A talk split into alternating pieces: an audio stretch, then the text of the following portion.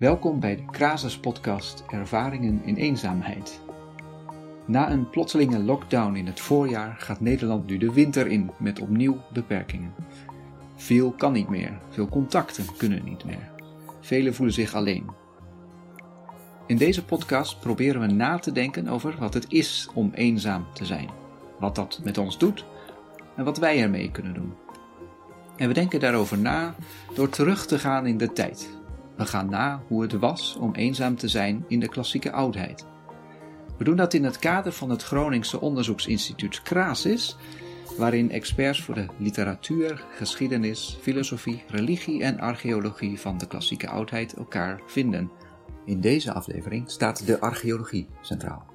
We zoomen in op geïsoleerde plaatsen en hun fysieke restanten, de noodzaak om samen te werken voor bewoners van die plaatsen en over het eenzame werk dat archeologisch opgraven zelf is.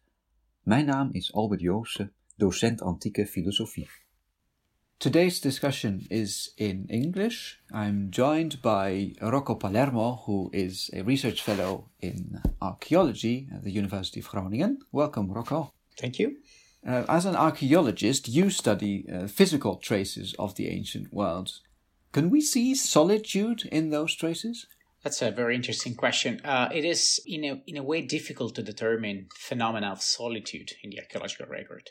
We can, however, establish uh, whether a particular site, for example, was isolated, with inverted commas, through its material remains. The two cases that come to the top of my head are uh, Dura Europos, which is a very, very interesting site in Syria, and Atra, which is a, a large urban center in northern Iraq. These two sites have, several things in common, and we can, if you want, explore those in more details. Yes, please. So, what's what kinds of sites are those? Well, as I just told you, they have very uh, they have many common traits. They are both uh, located in a steppe-like slash desert area, but they were also both of them heavily relying on um, water resources nearby. Dura Europos, a site that was founded uh, in the Hellenistic period, which is the the end of the first millennium BC, flourished thanks to uh, its position very close to the river Euphrates, which of course was highly exploited by the community living there. Atra, on the other hand, this uh, large urban center in northern Iraq, was also founded in the late Hellenistic period, last bit of the first millennium BC, but flourished in the so-called Parthian period. This is the phase that covers approximately the early two slash uh, three centuries of the first millennium AD.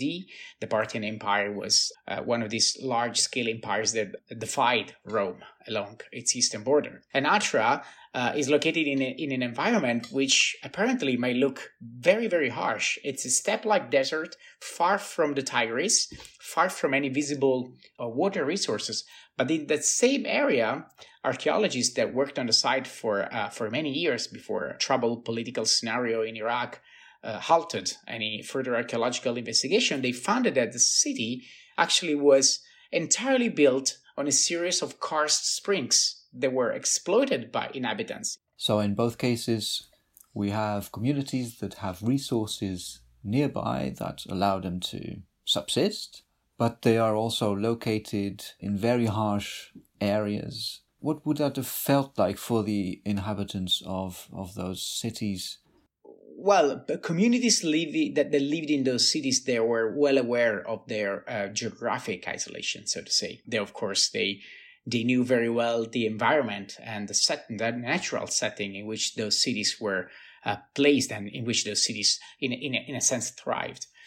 Of course, we're talking about these two centers that were, in, in, a, in a sense, uh, multicultural. That means that different uh, social and ethnic groups uh, coexisted in these cities.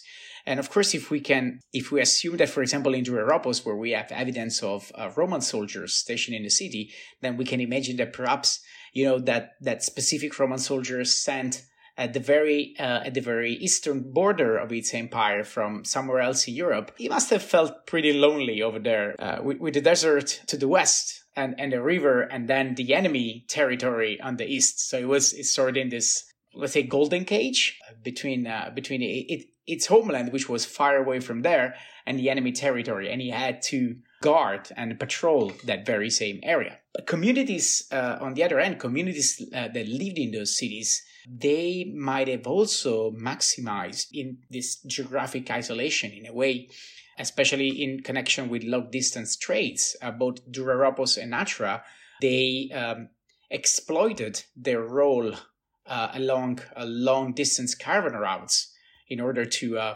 increase their economic impact both on a regional and global scale.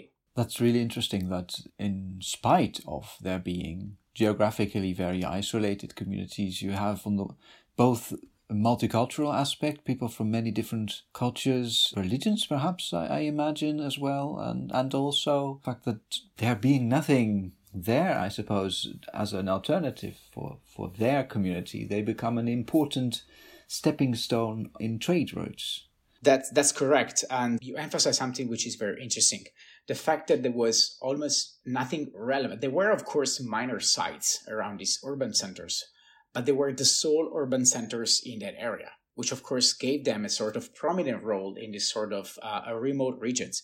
And uh, yeah, the, the fact that uh, within the walls of these cities, different social and ethnic groups coexisted. And you mentioned religion. Uh, we have evidence from Dura Europos, for example, that tell us that uh, in in this very same city, which was not that big, to be honest, different religious groups like Christians, Jews, and pagans uh, coexisted, and uh, they all, in a way, collaborated to uh, the success, the economic success of, of, the city, because they were cooperating in a very hard environment, an environment that needed them to be cooperative between each other. And the same, we can, we can, we can actually say the same for Atra.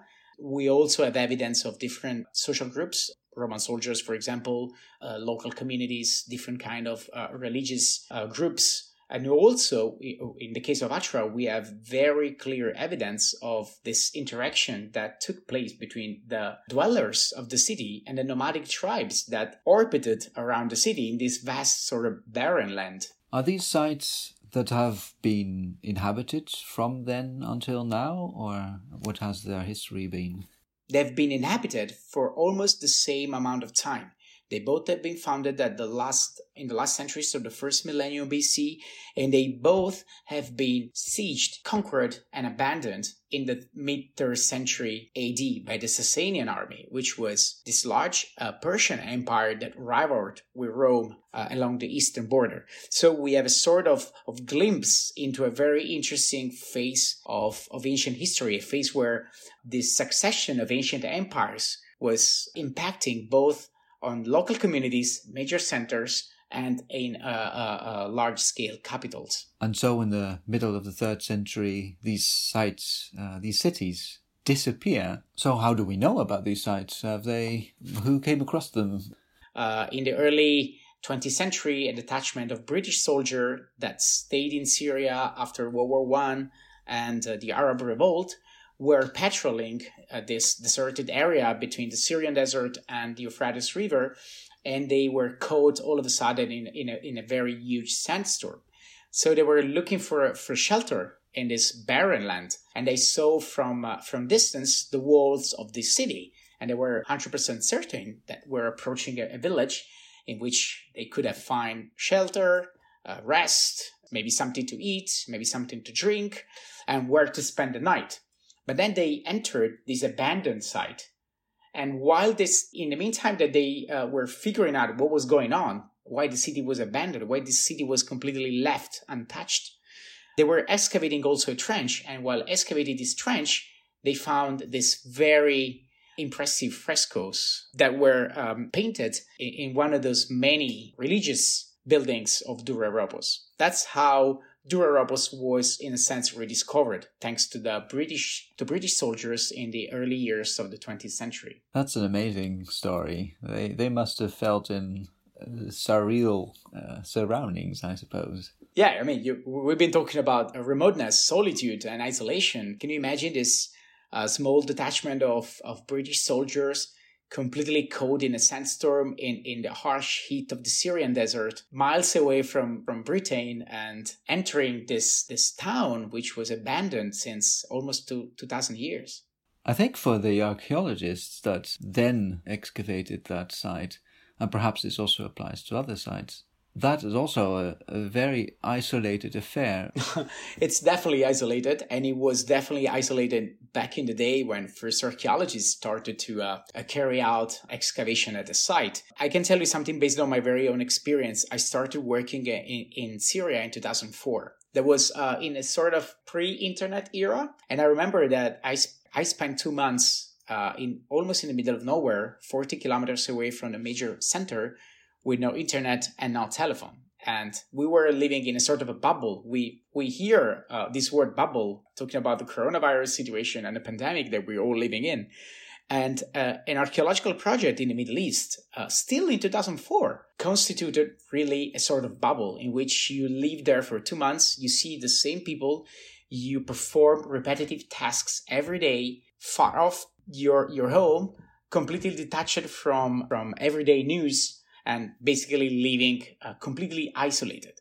That was in 2004. Can you imagine what was like in the early, the early decades of the 20th centuries when these people embarked in these archaeological operations for three, four months in the middle of nowhere. Uh, but yeah, uh, there are some accounts, uh, very interesting accounts of early European archaeologists working in areas, and they tell every sort of inconvenience that could have uh, happened while passing three to four months in the field. That I imagine is a very different kind of solitude than what we've been living through in varying degrees for various people in this year, in this COVID year. Uh, yeah, it's, it's definitely a different kind of solitude. In a way, there was a solitude of group because there were, of course, not a single person living at home and connecting to each other via Zoom, Google Meet, or whatever you want to use for uh, getting in touch with other people. But it was a, a group solitude. Like this group of people decided to work on this archaeological site. They basically live together, far off from everything, all by themselves. Uh, it's like a group isolation rather than a, than, a, than a single person isolation. That's, I think, it's a major difference uh, in some cases with what we are experiencing these uh, these past months. Yes, and you, as you mentioned, uh, was a diff- different situation also in terms of the possibility of being connected via the internet, the way we are now, for instance, and in other ways of communicating with people from your own home. Yes, yes. This is something that has really improved in the last decade or so, as far as it concerns the work, the archaeological work in the Middle East, is that internet now is everywhere. So you feel way less isolated.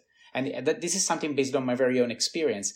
Last time I was in the field was last year before the pandemic, and I did not really experience the same isolation I experienced in 2004. I was always connected, even in the field, checking Facebook messages, Twitter, or uh, WhatsApp messages. Back in 2004, I had only half an hour on a Thursday afternoon to get in touch with my uh, beloved ones. So, these sites you mentioned at the beginning, things have changed in terms of doing archaeology at uh, Hatra and Dura Europos.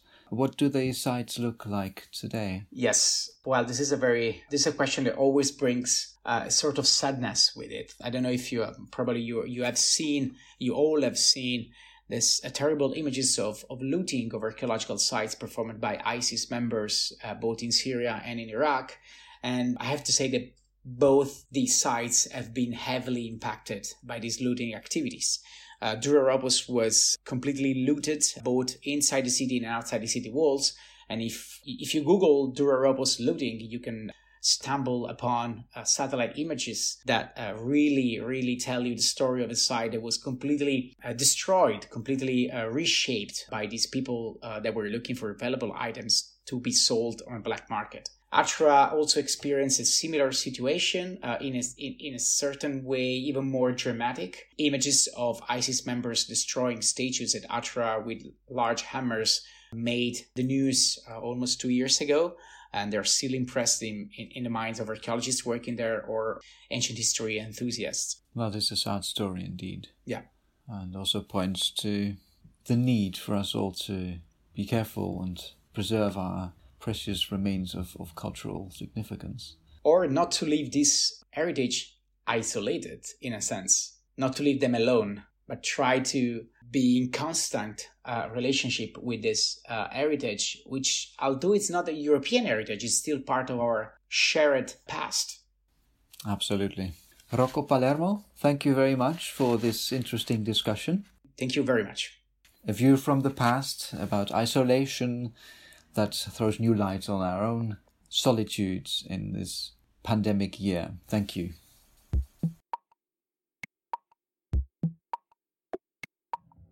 Voor meer afleveringen van ervaringen in eenzaamheid en voor achtergrondinformatie ga naar rug.nl slash met een C.